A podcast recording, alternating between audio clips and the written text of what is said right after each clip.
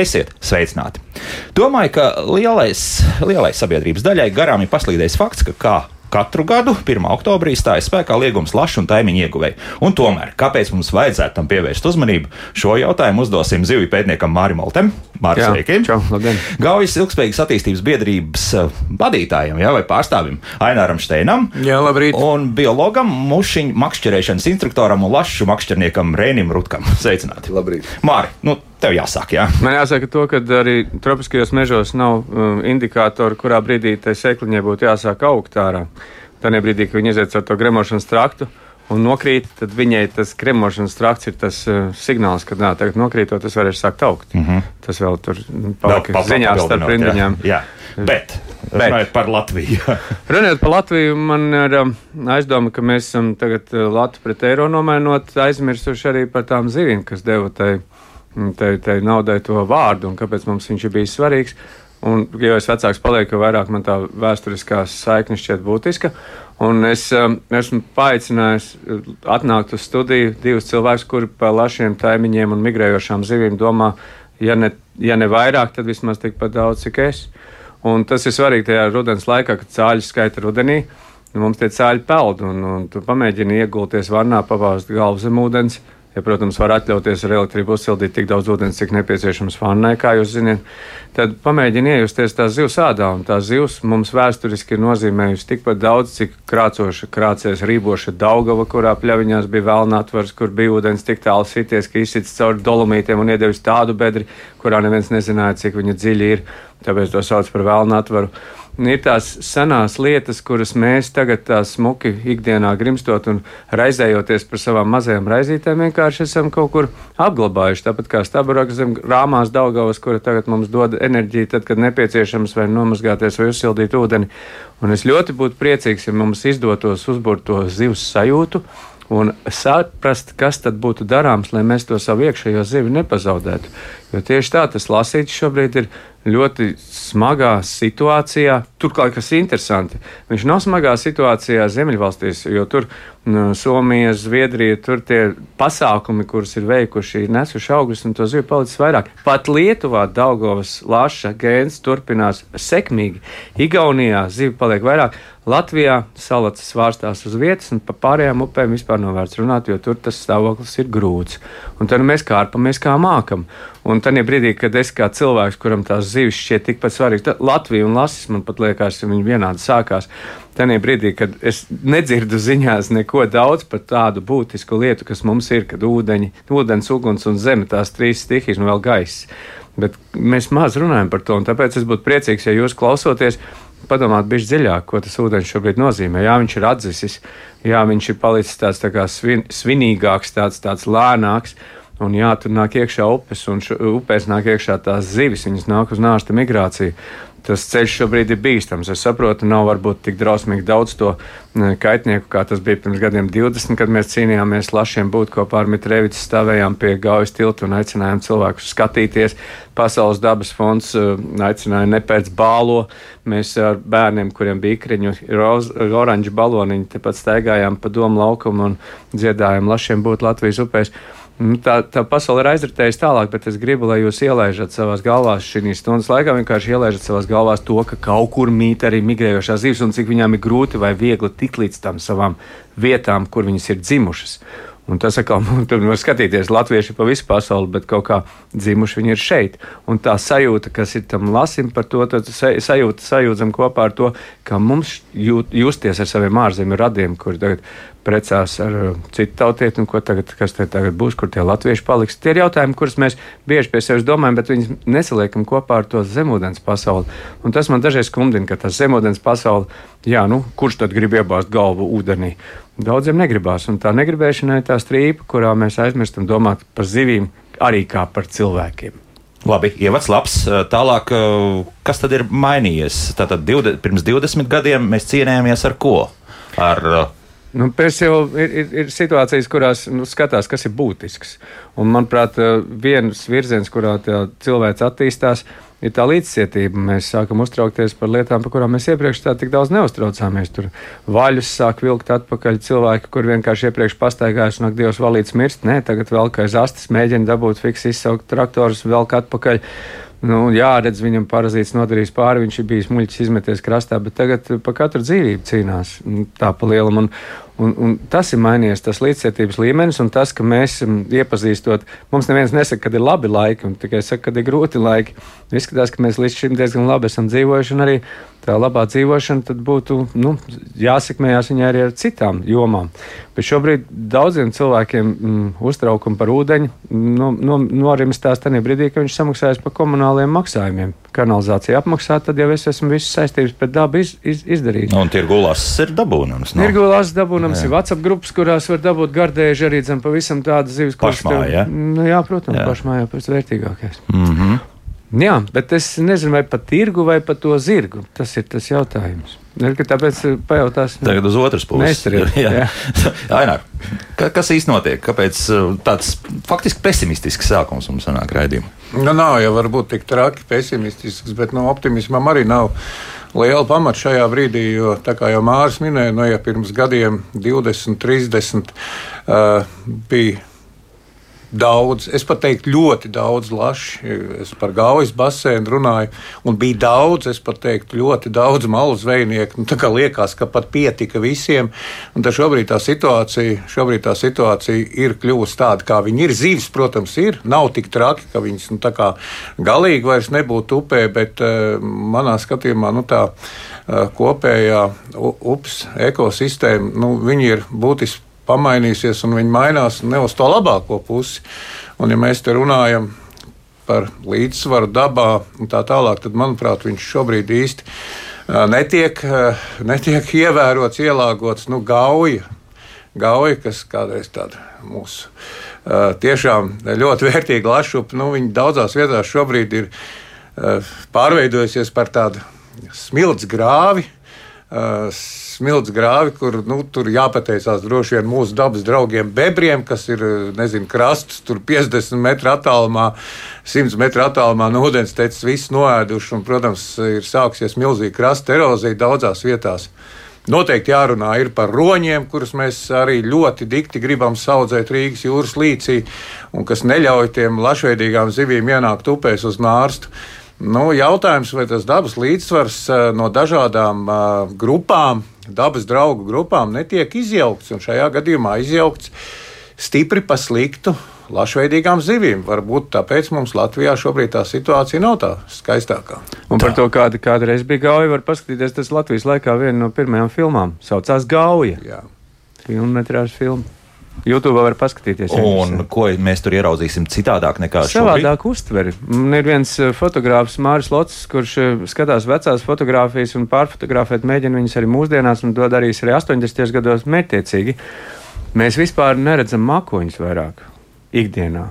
Mēs neredzam mākoņus. Latvijas laikā viņam bija skaista ainava tajā brīdī. Ja tu redz, kad ir mākoņa aitiņas, un tajā brīdī viņš saka, ka es mūsdienās mēģinu noķert tās dienas, kad ir tās mākoņa aitiņas, viņu ir gaužām maz. Tas nozīmē, ka tam fotogrāfam senos laikos ar to laiku spējām bija jāspēj paredzēt, kad tās mākoņa aitiņas būs tajā bildē iekšā, lai viņas ietvertu, jo debesis kā tādas bija pietiekoši daudz informācijas nesošas mm, tam cilvēkam, kurš skatās to bildi. Mūsdienās debesis tik daudz vairs nav. Nu, varbūt saulrietis vai saulēkts, kas, kad debesis iekrāsojas tā, ka tu viņus nevar neredzēt. Bet ikdienā tas ir tieši tas pats par tām mazajām pamanāmajām lietām. Tāpēc Reinis varētu būt par mazām lietām ļoti gudrs teicējs. No, no. Reini. Es, es pat nezinu, cik plašs tēma ir aizskats, kādā aspektā tieši man Mēs ejam plašumā, jā. jā. jā.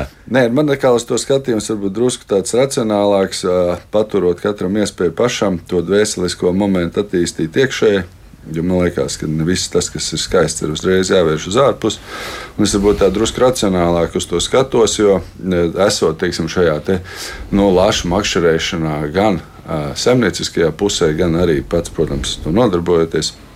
20 gadu laikā esmu iepazinis, varētu teikt, ne to tikai, kas notiek Latvijā, un arī aktīvi līdzdarbojies, bet arī redzu, kā tas notiek nu, tepat Skandināvijā, Baltijas lašu kontekstā, aktuālākā būtu droši vien Zviedrijas un Somijas pieredze. Un man jāsaka, tā, ka tie aspekti, kas šobrīd ietekmē to lašu populāciju Latvijā, ir varbūt pat pārāk plaši, lai mēs vienā raidījumā varētu viņus detāli iztirzēt. Un tie, tie aspekti sākās gan ar globālās sasilšanas radītām problēmām, kas pozitīvi ietekmē teiksim, ziemeļu, lašu, upju populāciju.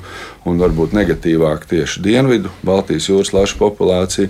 Un visbeidzot, beidzās ar tiem saimnieciskiem aspektiem. Jo, kā mēs labi saprotam, nu, Mūsdienās laikam komunismam vairs neviens netic, un jebkurai darbībai ir nepieciešams finansējums. Un tad tas iekšējais jautājums, kas lielā mērā saskana ar māru uzstādījumu, eh, ir, manuprāt, sekojošs, kad eh, kārtība ieviešās tad, eh, vismaz tik lielā mērā, ja runa iet par lašu populāciju, ko mēs tur varam līdzdarīt un, un palīdzēt tai populācijai būt labai, tad, mēs saprotam, kā sabiedrība, kāda tam lasim ir loma mūsu sabiedrībā.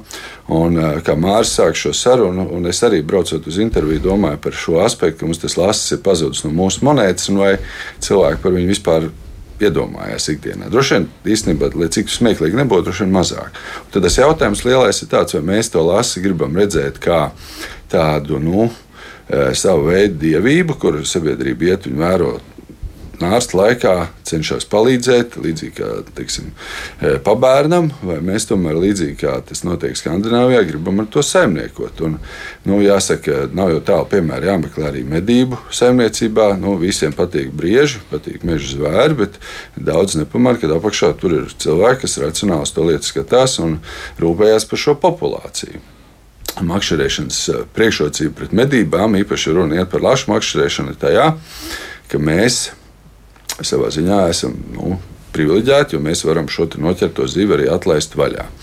Nu, lūk, tas beig, beigās tas jautājums ir pavisam vienkāršs. Ka, ja mēs jau runājam konkrēti par Latvijas lašupēm un lietām, kuras ir jēgpilni darīt, lai šī populācija kļūtu labāka, tad eh, jebkurai no šīm aktivitātēm ir apakšā nepieciešami līdzekļi.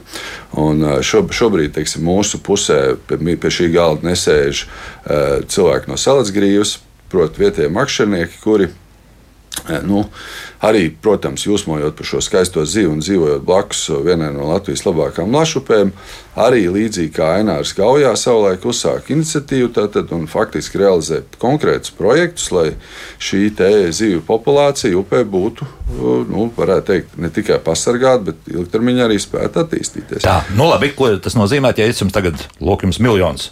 Kas no tā mainīsies?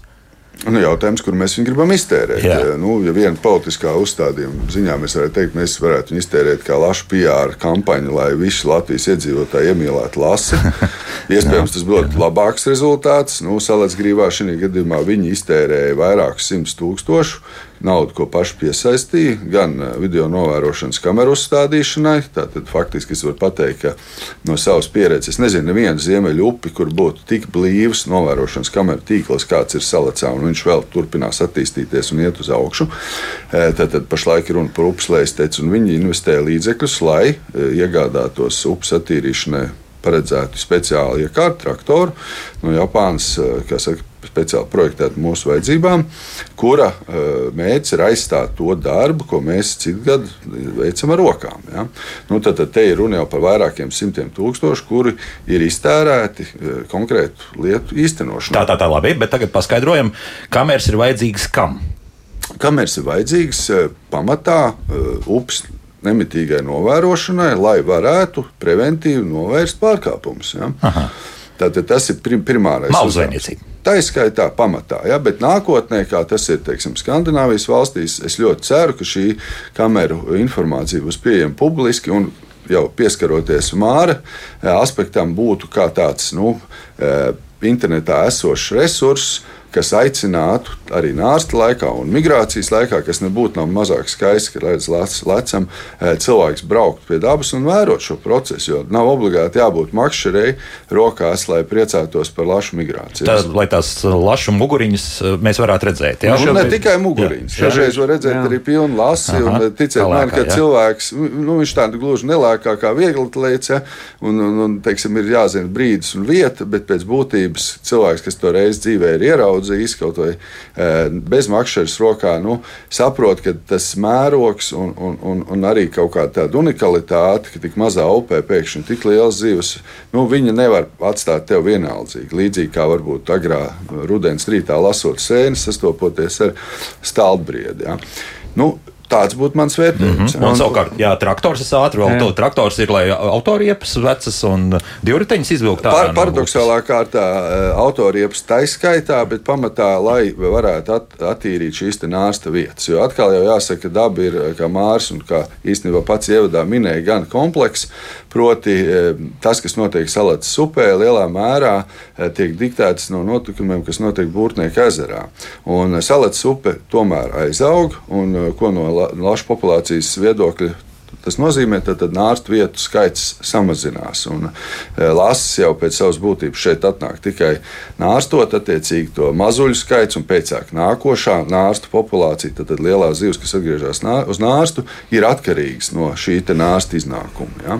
Un tur ir atkal virkni aspekti, jo pēc nārsta šīs zivs divus gadus uzturās upē, un tikai tad dodas uz jūru. Tas nozīmē, ka viņiem vajag piemērotas dzīvotnes, lai attiecīgi varētu sekmīgi attīstīties. Katrā no šiem etapiem eh, daba ievieš savas korekcijas. Eh, nu, no tāda laša patriotu viedokļa varētu teikt, pastāv savu veidu briesmas.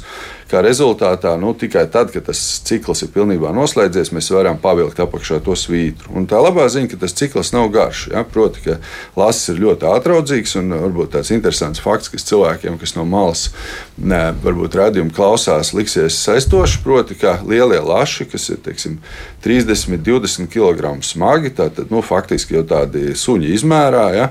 būtībā šo izmēru sasniedz 5, 6 gadu laikā jūrā, pat 4 gadu laikā. Un tas cikls no nārsta līdz jau nākošam mazulim, kas aiziet uz jūru, ir divi gadi, ja, ka viņš upē tad attīstās, un tad jau pēc trīs gadiem, četriem, ja pirmie laši nāk atpakaļ uz upi nārstot. Tas nozīmē, ka tās lietas, ko mēs pragmatiski, precīzi šobrīd upē kā saka, upē darām.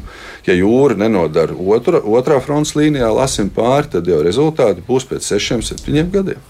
Salīdzinoši ātri. Un, ja vēl runā par to, par to pragmatisko pieeju, Es zinu, ka tagad, piemēram, tiek īstenots projekts, un es zinu, ka visiem ir aktualizēta tāda vieta kā Stācila, kuras tās pašas salatas ir, ir dambis. Un es zinu, ka mēs braucām arī pagājušajā nedēļā. Es pats biju iekšā tādā ekskursijā, kur apskatīts bija, kur uz Sēles upes smuki vienkārši, lai tiktu pāri dambim zemes ūdens, ap, zem ūdens apstākļos. Ir daudz risinājumu, kā to var tīri inženiertehniski veikt, un tādā veidā to salats pavērt vēl īģi, kas ir augšā, varbūt pat caur burtnieku augšā kaut kāds taimiņš izspruks ārā, aiziet uz briedi vai kur tur skatīties, kur varētu vēl nāstot. Tā kā, jā, nu, tur cilvēki domā, un šobrīd tas arī tā pasaule palikusi virālāka, un mēs esam sākuši vairāk iet dabā. Man, piemēram, pirms divām dienām parādīja, ka mazie taimiņi tomēr uzspurdz augšā. Par to stēcēlis aizsprost, cik daudz vai cik maz, bet viņi tiek. Bet lasis vēl īsti nav nācis iekšā. Ja skatās par par tām vietām, kur to lasi var ieraudzīt. Reinis pateiks, ka salacā, ja tu piesēdies apmēram pie tača zoba, tad brīdī, kad ir nāciens uz zoba, var redzēt tači tādu, uz kuriem ir zobs, ir divi gabali vismaz, ja ne trešais tur augšpus lētas vecās tilts, kur ir vecais tacis. Un tad ir zivs skaitītājs ievietots pie inspekcijas, kur tajā vietā, kur iet cauri metram, tur tiešām var redzēt, ka lejā tās zivis skraida un viļņojās, un to var skatīties un vērot. Respektīvi, ir pa, daudzāk cilvēku, kas iet dabā, un daudzāk cilvēku, kas meklē nevis ziņu virsrakstus, bet paši meklē tās ziņas dabā. Un tā atkal ir laba ziņa, ka ja tagad dabas, dabas, turism, dabas turisms ir attīstījies ar Covid saistībā un ar to, ka cilvēks sevi var harmoniskāk just, tad brīdī, viņš staigā vai brauc vai skrien. Tajā brīdī tajā gaujā arī daudzas vietas. Mums ir uh, meža, kā iet gar gaujas upi, un daudzās vietās gar nārstu vietām. Viņš ir skaists, viņš čalo. Un ir iespējams, tad sakārtojot to informāciju, daudz arī vairāk zināt. Un nevajag maksāt kaut kādiem inspektoriem, kuriem ir suņa darbs, skriet, ošņāties, meklēt, atrast. Nu, viņam trīs nedēļas prasīja izvilkt Babītas ezerā kilometru tīklu un pieķert to cilvēku ar tām zivīm. Tas ir milzīgs darbs, un tas ir nepateicīgs darbs. Un tad pat laikā, ja es redzu, skrienu, redzu, ka viens kaut ko mērķojās, iedeva fiksi ziņu, vidas sos, tā ir milzīga palīdzība. Mm. -hmm. Labi, līdz cilvēkiem vēl tiksim, bet man vairāk tas sainār teiktais par tiem gan bebriem, gan, gan arī par roņiem drusku satrauc. Nu, tā tomēr Nu, tad ir dabiskas lietas pēc būtības. Labi, es zinu, ka bebra mums ir tāda invazīva suga Latvijā. Jā, bet Nav a, ko invazīva. tad- tad darīt? Re- Bebrs, bebrs, faktiski. bebrs faktiski saimnieko tur, kur cilvēks negrib vai nespēj Jā. Nē, interesanti, ka Bebrs, ja nemaldos, bija reintrodu- reintroducēts. Jā, jā. Tātad faktiski viņš tika iznīcināts uh, senajā Latvijā arī ar domu par viņas, viņa astes afrodīzijāku dabu. it Jā. Kā, ja, bet, uh, 1850. gadi beidzot Breber vai nu kaut kur Braslā vai Daugā tika nonāvēti, Mhm. mm. bet joks bija tāds, kas toreiz uzpirka par naudu Mhm. aptiekās, āda bija vērtīga. Un, un aste, es astē esmu ilgi domājis pēc, nezinu, kur tas joks. Senāk vienkāršais latvietis pie speķa netika. Un aste ir ļoti algoritmā speķim, tāpēc, ka viņi ir tādi taukaini, tā substance. Bet tu piedod, Nu? no? kā tu skaidros, kā ārējuši, ja nemaldos, ezera pilī pie sienas. Viņš bija naglots. Domāju, viņi nepaspēja apēst, pirms tā pils nogriezta. Nu, labi, pils ir pils. jā, Labs ir jautājums. Bet es, es jūtu, ka tā asta vieniem var, daudziem varēja aizstāt arī tādu normālu caurrocību. Nu, Bet, labi. bet par bebriem noslēdzot, Jā. atcerēsimies, ka 60. gados, ja nemaldos, tas pats Mārcis Mitrēvits, vai ja, bija ja kļūdos, Bebra Mārtiņš visdrīzāk. Jā, mm -hmm. viņus reintroducēja Gaujas Nacionālajā parkā ar uh, iekšēju kā saka, pārliecību, ka viņi dara būtisku foršu lietu. Un viņiem pārmest nevar. Un nu, iznākums mēs redzam šobrīd, ka laikam vairums cilvēku tomēr teikt, ka bebrs ir foršs. Bet ar mēru. Tas mērs ir par lielu. Jā, pa lielu, jā. Nē, nu, a, ko tad darīsim tādā gadījumā? Nē, nu, nu? redziet, nu, kolēģi jau gan Reinas, gan Mārs. Uh, Ir jārūpējas pirmkārt par upi. Un, ja mēs rūpējamies par upi, nu, tad tas ir jau rūpes par zivīm. Un, protams, tas, ko dara uh, makšķernieku klubs, uh, Salacgrības makšķernieku krusts, tas, ko dara biedrības sudrablas, droši vien arī šobrīd Gaujas ilgspējīgas attīstības biedrība, kas apvieno pašvaldības un uh, aizvien plašāk sabiedrības lokus. Uh, mums ir jādomā visiem kopā, kā rūpēties par šo upi. Ja reiz varbūt eh, brīžam liekas, ka valsts institūcijas īsti ar to galā netiek, jo, nu, pareizi jau, pareiz jau Māris pieminēja, nu, tas, jau ir, tas jau ir zvēra darbs, tur inspektoram mēģināt stāvēt, un, un šeit jau nav tikai stāsts par mauzveinieku noķeršanu. Šeit ir stāsts par ikdienas darbu, gan, gan, gan koku, gan krūmu izzāģēšanu, ceļu atbrīvošanu un tā tālāk. Un jā, Mārcis šeit sākumā minēja ļoti skaisti par šiem Latvijas laikiem, par to balto kaķēnu, par tiem mākonīšiem. Starp citu, Latvijas laikā upe piederēja piekrastes zemes īpašniekiem. Šobrīd tas tā nav. Jā, tā ir principiāla problēma. un, un, un tā ir principiāla atšķirība. Un katram piekrastes zemes īpašniekam bija pienākums rūpēties par upes krastiem, lai nebūtu šie noslīdeņi, lai, lai, lai, lai, uh, lai, lai nebūtu aizaugumi, lai nebūtu sagāzumi. Jā, Jā, jā, jā. Bet viņi arī tajos laikos milzīgas masas laida pa to gauju. Tas ir vēlāk. Uh, nu, tas ir, uh, tas ir Tas koka, bija- tas ir koka pludināšanas laikā. jā, jā. Es šobrīd domāju tieši par uh, kas, kuram, kas rūpējās par šo ūdens teci. Es atvainojos, pat pētījuši Par to, teiksim, pludināšanu kaut kādā pludināšana, veidā. pludināšana ļoti iedod apakšā. Ļoti pozitīvs. Tikai vienīgi jā. ne, ne, nav nekāda pētījuma par to, kā tas mazuļus, jo viņi jau sākās faktiski Latvijas laikā, pirms tam mazāk, bet nu, tie apjomi bija baigi. Var aiziet apstīties Siguldā, braukt ne tikai uz meža kaķi, bet Mitrēvicam tur ir stūrīts, kur var redzēt, cik kubi kas tika laists. Un daudzās upēs tā, tā, tā tomēr tas, ka to, tas baļķis ar to savu atrašanos straumē rada to pastraumu, kas ir pas, pastiprina straumes spiedienu. Nu, tur var, tur var būt dažādi, bet Latvijas mm -hmm. laikā tādu pētījumu par to, kā tas ietekmē lašu vai tēmiņu mazuļu izdzīvošanu nebija. Nebija, jā. Bet tomēr noslēgsim, nu, tad ko mēs to dabu darīsim? Ar tiem pašiem to roņiem. dab- ko tā daba ar mums Nu, izdarīs, tas ir Nu, jautājums. Jā, jā, jā. Ko tad tas nu, roņis tur, tur, tur, nu? tomēr ir, man- manuprāt, jāizvairās ir no velosipēda izgudrošanas, uh, vismaz mēģinājumiem. Protams, tas ir jauki, ka mēs varam domāt, ka Latvija ir unikāla un ka mums būs savs ceļš un savs scenārijs, bet tā praksa rāda, ka mēs uh, veiksmīgāk darbojamies tajās sfērās, kur mēs pārņemam labo praksi no ne, salīdzinoši veiksmīgākām valstīm. Un šeit tas piemērs jau no tālu jāmeklē. Un, kā savulaik, eh, braucot pa pasauli, makšķerējot un tiekoties ar kolēģiem, mēs konstatējam, ka tajās valstīs, kurās sabiedrība ir pārtikusi un labi izglītota, eh, kā likums, malzveiniecības līmenis un arī attieksme pret dabu ir labāki. Un jāsaka, ka es ar tādu cerību skatos nākotnē, arī Latvijas kontekstā, jo tomēr kopumā mūsu labklājība pieaug un arī cilvēki, manuprāt, kļūst eh, gudrāki. Konkrēti runājot par lašu upi, visi tie aspekti, par ko mēs šobrīd runājam, tieši par iekšējiem ūdeņiem ir saistīta ar finansējumu. Jo nav jau liela problēma piesaistīt apsardzi, un ļoti daudz cilvēku, ja tam ir apakšā nauda. Tātad, faktiski tā vai citādi mums ir jāsaprot, no kurienes mēs šo naudu varam gūt. Un tāpēc sarunas sākumā minēja, ka mums ir divi ceļi. Viens ceļš ir iesaistīt sabiedrību kopumā, padarot lasu par tādu tā kā svētu dzīvnieku, kur mēs saprotam, ka mēs tiešām gribam šo mūsu simbolu saglabāt. Un, uh, vienā vai otrā veidā ar sabiedrības kopējo finansējumu mēs varam daudz ko izdarīt.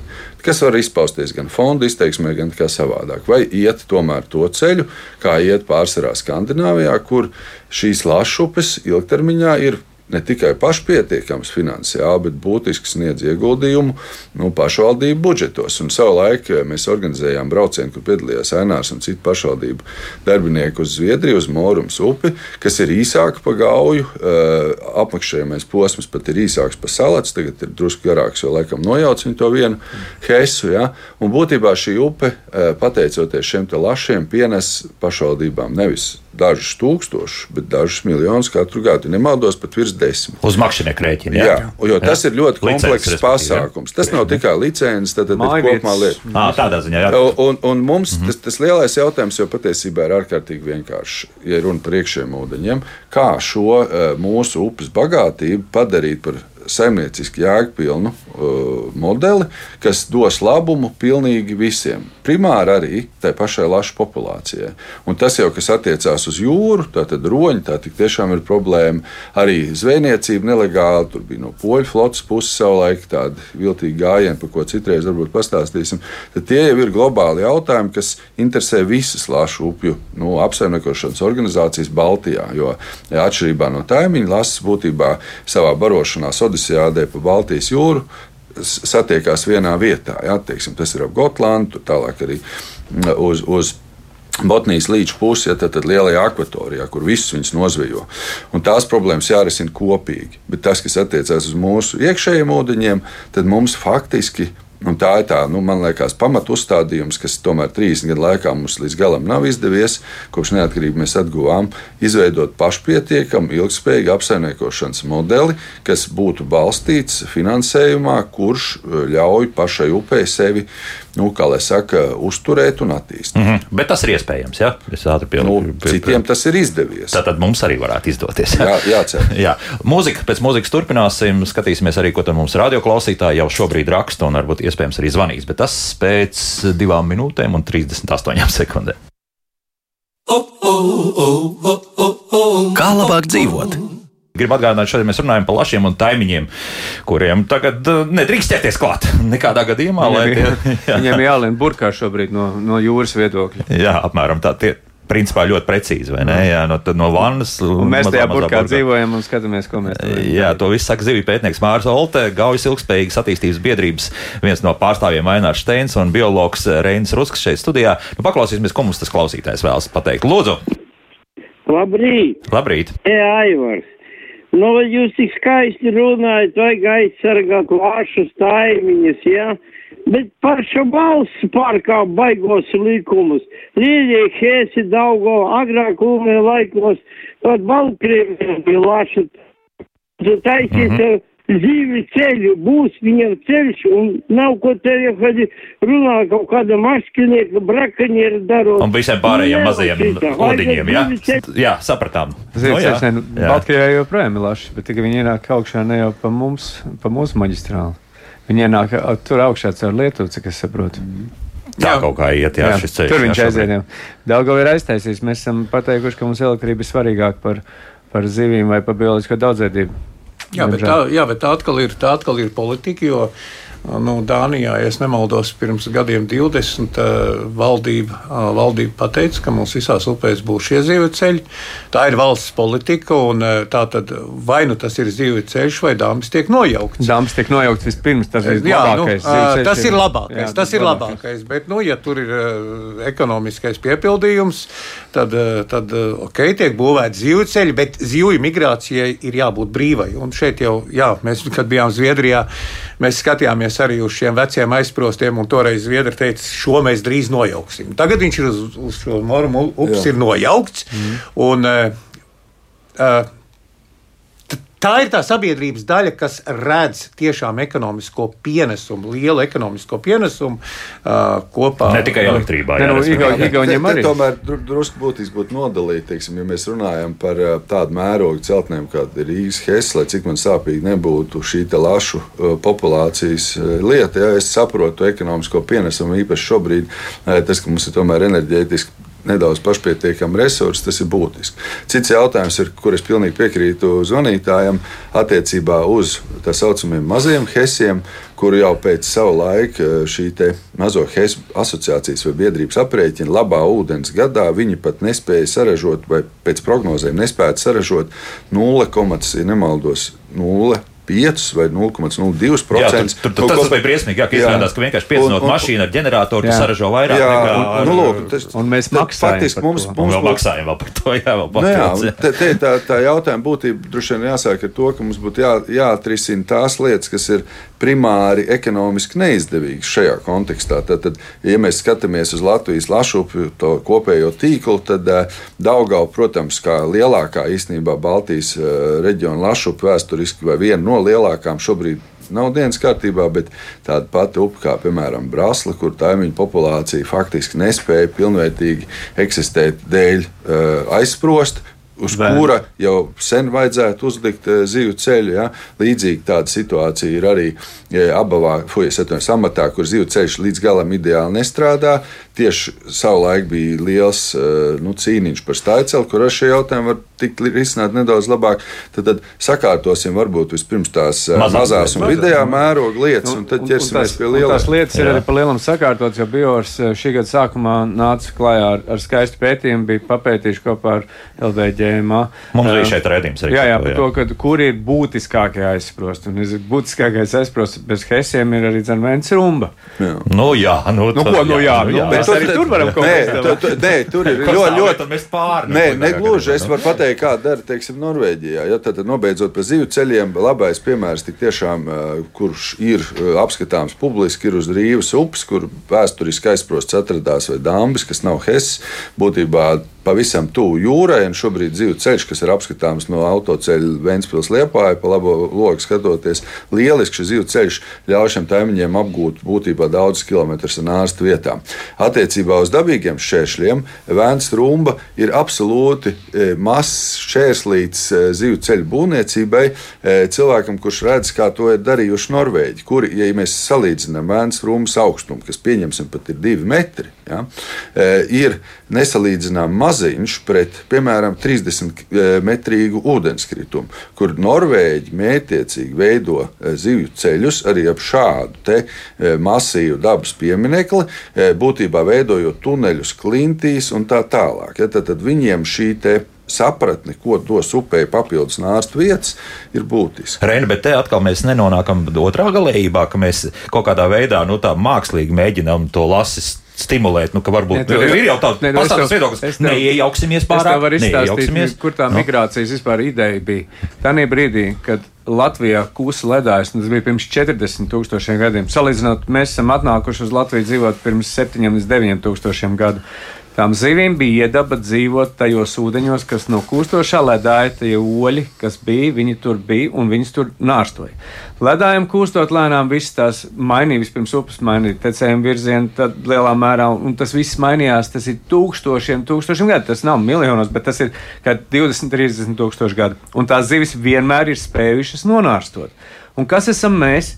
Pīdriķi, kas tikai 150 gadus iemācījušies nesprāgt badā grūtos laikos, Kāpēc mēs šajos savos 150 gados gribam pateikt, te klausieties, jūs tur nelīdīsiet, mēs tagad ražosim enerģiju? Tur ir tā, nu, tas ir jāskatās apmēram tā, ka saka, ka parasti dēlam atstāja uh, zemi, bet īstenībā tu zemē atdod dēlu. Tur jāskatās, kas ir primārais. Jā. Jā, bet eh, te jau redzēja aspekts, kurš tika pacelts, faktiski skar nevien tikai antropogēno, tātad šo cilvēku radīto šķēršļu apiešanu, bet arī dabīgo. Un jautājums ir tik tiešām vietā, vai veidojot nārstu vietas, tātad pateicoties zivu ceļiem ap dabīgiem šķēršļiem, kāda ir ūdenskritums, mēs neietekmējam, nu, varētu teikt, mākslīgi šo te ekosistēmu. Nu, tas pats, kas ar bebriem. Jā, nu, protams, kaut- un te ir atbilde noteikti jāmeklē jau tajā sākotnējā uzstādījumā, kāds ir mūsu mērķis. Un jāsaka, pa vēns rumbu, kad labā gadā, kad ir liels ūdens līmenis, tad laši tiek pāri. Tad, tad nav gluži tā, ka viņi nekad netiek pāri vēns rumbai, bet daudzus gadus, kad līmenis ir zemāks, tad viņi netiek pāri. Un tas uzstādījums lielā mērā tad, tad ir tāds, ja mēs gribam apsa, nu, teiksim, tā, uzlabot lašu populāciju, tad mums ir jānovelk tā sarkanā līnija, kur līdzekļi vairs nav pie, piemērojami, piemēram, masīvāka viņa atražošana. Bet, ja tas attiecās uz dabīgu ārstu vietu apgūšanu, nu, mans personīgais viedoklis, kāpēc ne, e, ja tas varētu uzlabot šo Ja populāciju. tas paskaties, ka tik un tik Jā. hektāri tur ir augšā, ko viņi varētu Potenciāli Jā. apgūt, jā. Nu, kāpēc mm -hmm. ne? Kāpēc ne? Jo mēs esam tik daudz paņēmuši no viņiem. Tas jau arī tas, ka balansam būtu jābūt. Mm -hmm. Jā, un mēs neko neesam devuši viņiem klāt. Jā. Nu, labi, līgatnes zivceļš. Līga dzīve ceļš, jā, bet es gribēju teikt, īstenībā tās tehnoloģijas šobrīd tik strauji attīstās, arī enerģijas ieguvēja.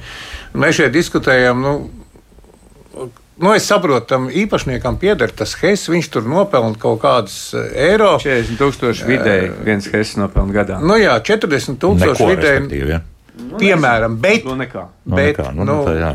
nu, skatāmies, nu, mums, bija, mums bija kuģu griešanas procedūra, ja, kur Eiropa finansē šo visu projektu.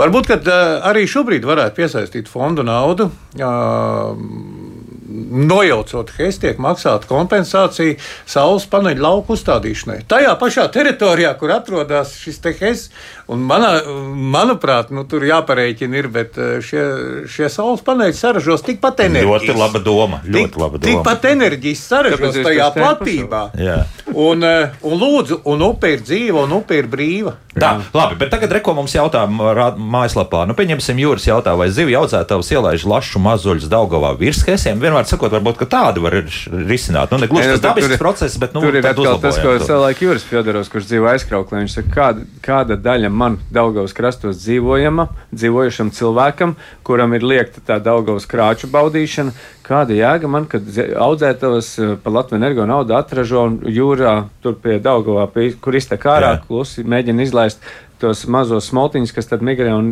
veido to mm, kā kompensāciju Daugavas lašu populācijai nodarītiem zaudējumiem. Man interesē Zandars, man interesē Sams, tāpēc, ka es šodien tur dzīvoju. Tur, tur atkal ir savādāks intereses. Mm -hmm. Aizkraukliešiem neinteresē tie laši, tāpēc, ka viņi viņus nav pieredzējuši jau cik paudzēs. Nav, nav. Fails tukšs. Un tad līdz ar to, ko tu viņam pretim dos, un kurš maksās par to, ka tam cilvēkam iedot tur. Varbūt vispār tur atkal man patīk tās modernās tendences, kad drīzāk pagādājam jēdzīgas nārsta vietas un skatāmies, ko tās zivis spēj ar viņām izdarīt. Tas ir gudrāk nekā laist bastardu sārā. Tas tāpat kā no bērniem izlaist bērniņu. Nu, viņi nav tik piemēroti uh, dzīvei, kā Nu, nu, tas, kurš ir pastrīdēties Nē, tu nevari pastrīdēties. Tas ir tā ģenētika, tur ir skaidrs. labi, labi. Jo tas nārsts, iedomājieties, tas, tas uh, ikriņš iebirstot starp akmeņiem, tur no tā novembra pavada laiku līdz martam, un tikai tad šķiļās. Kas notiek tajā smalkajā līmenī starp tiem akmentiņiem, tos mēnešus, ilgos mēnešus, kurus citas zivs pavada zivaudzētavās? Kādu informāciju, kā tas, kādas gudrības tas ikriņš tur dabūna iekšā, to, to mēs, To mēs nezinām. nezinām. Mēs jā. nezinām. Jo vienā brīdī man likās, ka tev tur ir tikai intereses, ka makšķerniekam, lūk, nu, tā kā sporta šāvējiem, jā. jā, jā, nevis pa, tikai pudelēm, bet tagad es gribētu arī pa šķīviem. Respektīvi, tagad es gribu noķert samu, un tad es gribu noķert lasi. Jā, nu, nu, apmēram tā. Mums kāds visu laiku zvana, bet ne, ne, nesagaida līdz galam. Nu, bet vispār par to zivju mākslīgo audzēšanu, miljonus foreļu mazuļu ielaišanu Latvijas upēs, kas tur notiek? Tas, tas viss Es ir. nelielu varbūt repliku Jā. iepriekšējiem jautājumam gribēju teikt, ja, ka uh, mazu zivju izlaišana, migrējošu zivju izlaišana virs hesiem vienmēr ir nedaudz problemātiska ar to, ka pēc tam šī lejupējošā migrācija caur hesa turbīnai var būt nāvējoša šīm zivīm. Ja. Turklāt uh, jāsaprot ir tas, ka nu, ja, teiksim, piemēram, būtu šie zivju ceļi, eh, kad attiecīgi jau tas mazulis, kas būtu aizmigrējis uz jūru, varētu atgriezties savā nārstu vietās, tad tā situācija būtu daudz labvēlīgāka un tam augsne būtu. Tad mēs varētu laist ar vien augstāk. Un jāsaka, ka pat nerunājot par hesiem. Izlaišana tik tiešām ir būtisks jautājums, un savu laiku gaujā lašus laida ārā nu, lielos apjomos Leiticē. Un viena no lietām, ko sāka darīt GIAB dibināšanas gados, ja, tad, tad Gaujas Ilgspējības attīstības biedrības laikā, kad viņi tika dibināti, bija šo lašu mazuļu izlaišana ap virešiem, tad, tad Gaujas augstacē, kur ir ļoti piemērots nārsta vietas cerību, ka šie laši tur atgriezīsies. Šobrīd taimiņu populācija jau tur daudz maz ir stabila, un tas ir viens no piemēriem, kā pareizi izlaižot šīs zivis mēs varam apgūt plašākus arī nāstu laukus, tad jau, kad viņas kā liela īpaņa atgriežas upēs. Bet eh, skaitliski ir būtiski saprast vienu lietu, un tā ir, man liekas, lieta, ko cilvēki Latvijā eh, saprotam iemeslu pēc nezina. Fonā redz, skan, kas mēs izlaidām miljonus vai simtus tūkstošu lašu mazuļus ja, eh, katru gadu, nu, tā skaitā arī taimiņu mazuļus. Un cilvēkam var likties, kas tas ir. Es tur no tā malas vēnieka nopirkšu vienu vai divus eh, šos te lašus. Saliekot šos skaitļus kopā, tik tiešām liekas, nu kas tad tur. Ja? Eh, diemžēl tā lieta ir tāda, ka ne visi šie laši aiziet, eh, izdzīvo līdz nārstam. Mums ir jāsaprot, cik liela ir to lielo lašu populācija, kas nonāk upēs nārstot. Un, kā rāda e, pēdējo gadu dati, kur beidzot ir parādījušies saistībā ar zivju skaitītāju uzstādīšanu Latvijas upēs, konkrēti šobrīd ir runa tikai par vienu upi, tad to lielo īpaņu skaits ir runa par lašiem, ne par taimiņiem. Šīs ir divas dažādas sugas. Ja? Tad, manuprāt, nepārsniedz, nu, ja godīgi jāsaka, šobrīd pat tūkstoti, varbūt divus Ja? Pa visām Latvijas upēm. Es nerunāju šeit par Daugavu, kur dabīgais nārs nav iespējams. Ja? Tad, tad ir runa par salīdzinoši nelielu populāciju. Tas kur... pateikt, jau niecīgi tad sanāk. Ne? Protams. Nu, tur tas joks. Jā, jā. Kad mēs, tā, tā, tā, tā, tā, tā maldīgā informācija varētu likties. E, veidojās no kā, ka mēs esam izlaiduši simtus tūkstošu šo zivju. Es tagad aizbraucu uz uh, Lašu uz savu līkumu un redzu, kā tas lasis plunčājās, un man liekas, ka viņš ir viens no tiem simts tūkstošiem. Bet tā tas nav. Tāpēc, tas ir viens no tūkstošiem. Varbūt, jā, no, nu pie tam nevis tikai šajā upē, bet kopumā. kopumā un kā rezultātā, jo viņai manifests, tās lielās zivs manifests ir tāds, ka, nu, ja jūs aizbraucat, piemēram, uz ezeru un tur dzīvo simts ruduļi, ja, un viens no viņiem izlaiž ārā, tad jums liekas, ah, nu skaidrs, tur var būt kāda zivtiņa dzīvo, bet apakšā patiesībā tur ir ļoti daudz viņu. A šeit tas stāsts ir drusku savādāks. Ja, teiksim, ir bedrē divi lieli laši, tad faktiski jūs viņus ilgāk sēž, še, sēžot un uzmanīgi vērojot, pamanīsiet. Jums var likties, ka tie laši ir visur un daudz. Nebūtu tā nav. Mm -hmm. Tad, ar ko es ar to gribu teikt? Kad arī tie cilvēki, kur ir labdabīgi, nu, kā tagad mīl teikt, ekoloģiski domājuši, Tā ir atcerēties, ka nopērkot vienu uh, lasi no šīs malazvēniecības brigādes vai labajiem kaimiņiem, kā citreiz viņus sauc, ja, faktiski jūs nopērkat iespējams vienu tūkstošo daļu no tā potenciāla, kas Latvijā varētu būt. Un jāsaka, ka nav teikts, ka nākotnē mums šāda iespēja pašiem mēs savu lasi nebūs. Noteikti, ka būs, ja mēs pareizi darīsim visu, jo tad vienā mirklī populācijai uzlabojoties, nārstu vietas sāk limitēt. Lašu jau kļūst par daudz, tad ir brīva zaļā gaisma, viņas, kā saka, iegūt arī pašpatēriņam, kā tas mm -hmm. notiek Skandinavijā. Nu, par to sapcīt arī mājaslapā bija jautājums. Kā tad beidzot mēs varēsim? Nu, pagaidīsim. Jā, jā. tikai nu, jāsaprot, ka mēs runājam par lasi, kurš ir dinozaurs šobrīd mums grūtāk sastopams. Taimiņam iet labāk. 98% Latvijas iedzīvotāji neatšķir lasi no taimiņa. Nu, Aizies pēc lasīšanas, kur zemē saka. Tas ir taimiņš. Izrādās taimiņš, jā. Nu, nu. Dar atcerēties pavisam vienkārši, ja jūs pērkat, teiksim, zīvi, kas ir no malazvejnieka 1-2 kg svarā, tad eh, visdrošāk eh, var apgalvot gandrīz droši, ka jūs nopērkat taimiņu un nodarat mazāk ļaunumu. Savukārt, ja jūs skatāties jau uz 15 kg zīvu savam svētku galdam, tad gandrīz droši var pateikt, ka tas ir lasis. Tad labāk, nu, ja grākā krist, tad mazākā, tad izvēlēties vairāk mazās zīves nevis eh, vienu lielo lāsu. Nu, tagad kādam sirdsapziņa uzreiz kļūst ar to vieglāk. jā, jā, tā, jā. tā viens radioklausītājs ļoti ilgi gaidīs. Lūdzu! Labdien! Labdien. Uh, man ir jautājums tāds uh, nedaudz varbūt sasāpējis. Esmu makšķinieks no kurzemes puses, nu, tā kā pa vēntiet runa, kad uh, pa licencēm un viss uh, to, kā tā sistēma mums ir izveidota, tagad mainījās tas jaunais makšķēšanas likums un uh, pavasara uh, licences ir tie 20 eiro. Un, uh, zinu, man ļoti daudz draugu makšķernieku vienkārši, nu, viņi tam visam met ar roku, un, piemēram, kāpēc uh, kaimiņu valstī Lietuvā ir atļauts uh, arī tagad rudenī makšķerēt, noķer un atlaidiet. Ar neiet vispār runa par paturēšanu, bet par tīri par sportisko makšķerēšanu. Un tur tā licence mums ir 3 eiro. Vienkārši tā doma arī būtu tāda, piemēram, ja tie paši makšķernieki biežāk upi arī apmeklē, arī tā pašā rudenī vienkārši makšķerē un bauda to dabu. Uh, attiecīgi viņi arī paseko un uh, visās likuma pārkāpējas, tā teikt, var uh, paziņot. Bet kāpēc, kāpēc mums tā ir, ko jūs par to domājat? Labi, paldies. Nu, Nu, man eh, pavisam īsts komentārs par šo. Es saprotu šo sāpi. Jautājums par to ilgtermiņa modeli, ko mēs izvēlamies. Pilnīgi piekrītu uzstādījumam, ka makšķernieks pie upes ir eh, labvēlīgs attiecībā uz zivju populāciju galvenokārt, jo viņš arī veic preventīvu aizsardzības funkciju. Eh, tas, kas notiek Lietuvā, tātad pirmkārt viņiem nav pašpietiekama šī sistēma līdz galam. Un otrkārt, jāsaka, nu, kādu modeli mēs izvēlamies. Viņi izvēlējušies, ir, ka lāšu makšķerēšana ir tautas sports. Tur tas maksā tiešām līdz licence ir ļoti e, lēta, tie ir daži eiro, tas ir lētāk nekā jebkur pasaulē. Un e, tas trūkums šai sistēmai ir tāds, ka pie upes ir milzīgs bardaks. Tad, tur ir liels kolhos un attiecīgi makšķerēšanas iespējas normāli nav. Nu, tas e, lašu makšķerēšanai ir sava specifika, un ja vienā bedrē vienlaikus makšķerē 15 cilvēki, ja, nu, tas īsti nav tas, kā parasti normāli cilvēki to dara tuvojās jau tas viss loterijai. Otra galējība neapšaubām ir e, nu, tās ļoti dārgās upes, kur licences dienā var maksāt vairākas simtus vai pat nedēļas makšķerēšana mierīgi desmit tūkstoši. Un tas mūsu jautājums jau e, no raidījuma, nu, tātad e, šī viesa bija pilnīgi leģitīms. Tātad mūsu pašu makšķerēšanas kopienai ir jāizlemj, ko mēs gribam, vai mēs gribam šo padarīt par lētu, masveidīgu pasākumu kur tas spiediens uz to zivu būs lielāks, vai tomēr šo cenu e, nedaudz pacelt un, attiecīgi, šo licenšu skaitu samazināt. Bet tas, ka pieņemsim, tas tiešām varētu radīt eh, zinām apdraudējumu malu zvejniekiem. Tas ir visur zināms. Tas tā jau ir pamat uzstādījums. Ir, bet vienīgi, vienīgi arī, nu, ventā jau tagad rudenī nevar iet, var tikai, arī tas ir makšķerniekam, tas jau vairāk kā dzīves stils. Kāpēc tev šķiet, ka 20 eiro ir daudz?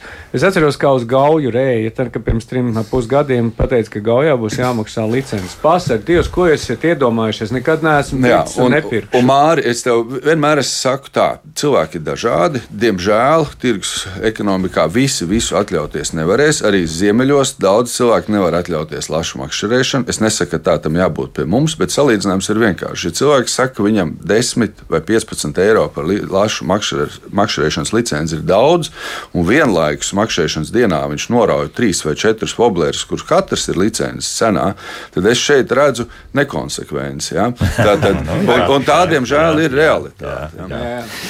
Mums ir jābeidz. Mums ir jāveic. Jā, visas nu, pēdējās nu, sekundes ir palikušas. Bet mēs eh, tieši šobrīd tā labi ieskrējāmies. Mēs vēl par ko runājam. Ar kur var redzēt? Tev ir kamera online arī? No jā, Līgatnes zīves jā, Līgatnes. Acim upē variet pat. Līgatnes zīves ceļā tā tad ir kamera. Latvijas dabas fonda YouTube kanālā jāiet Latvijas dabas fonda. Un, Pēdējos divus gadus taimiņu upē nākuši ir 15. oktobrī. Aha. Mums ir palikušas precīzi 20 stundas, kad viņiem vajadzētu būt. Nu, Paskatīsimies, kā būs šogad. Nu, labi, un, un, un paralēli es vēl varu teikt, ka nu, Gaujas, Gaujas Nacionālās parks, respektīvi Enter Gauja, ir tāda sadaļa, kas saucās nārstu vietu vērošana. Es domāju, ka mēs piestrādāsim, lai tās nārstu vietas, kad viņas sākas radīties, ka tā zivs tur ir virsū, sociālajie tīkli metam ārā, ķeram cietos cilvēkus, kas priecājās krastā. Un tādā veidā mēs arī kā dabas turisti varam pasargāt tās mūsu retās un skaistās zivis. Es patiešām to gribēju teikt nepalieciet vienaldzīgi, ja redzat šobrīd kaut kur kādu tīklu upē. Ja, nu, Inspektors strādā, viņiem komandējums sākās no 12. septembrī. Jau mm. latgalieši brauc uz vidzemi, zemgalieši brauc uz kurzem palīgā. Lūk tā. Zivju pētnieks Mārs Olte, Gaujas ilgspējīgas attīstības biedrības eh, viens no biedriem Ainārs Steins, biologs, mušiņu makšķerēšanas instruktors un lašu makšķernieks Reinis Rusks bija kopā ar mums. Paldies par sarunu! Līdz Paldies. pirmdienai jauka nedēļas nogali vērojam lašus un taimiņus, bet neestikam nekādā gadījumā tos. pirmdien tad mēs runāsim par tādām lietām kā gudra maltīšu plānošana, kurā labāk šoreiz iztikt bez lašas. Es teicu, ka būs atkal vecā mamma.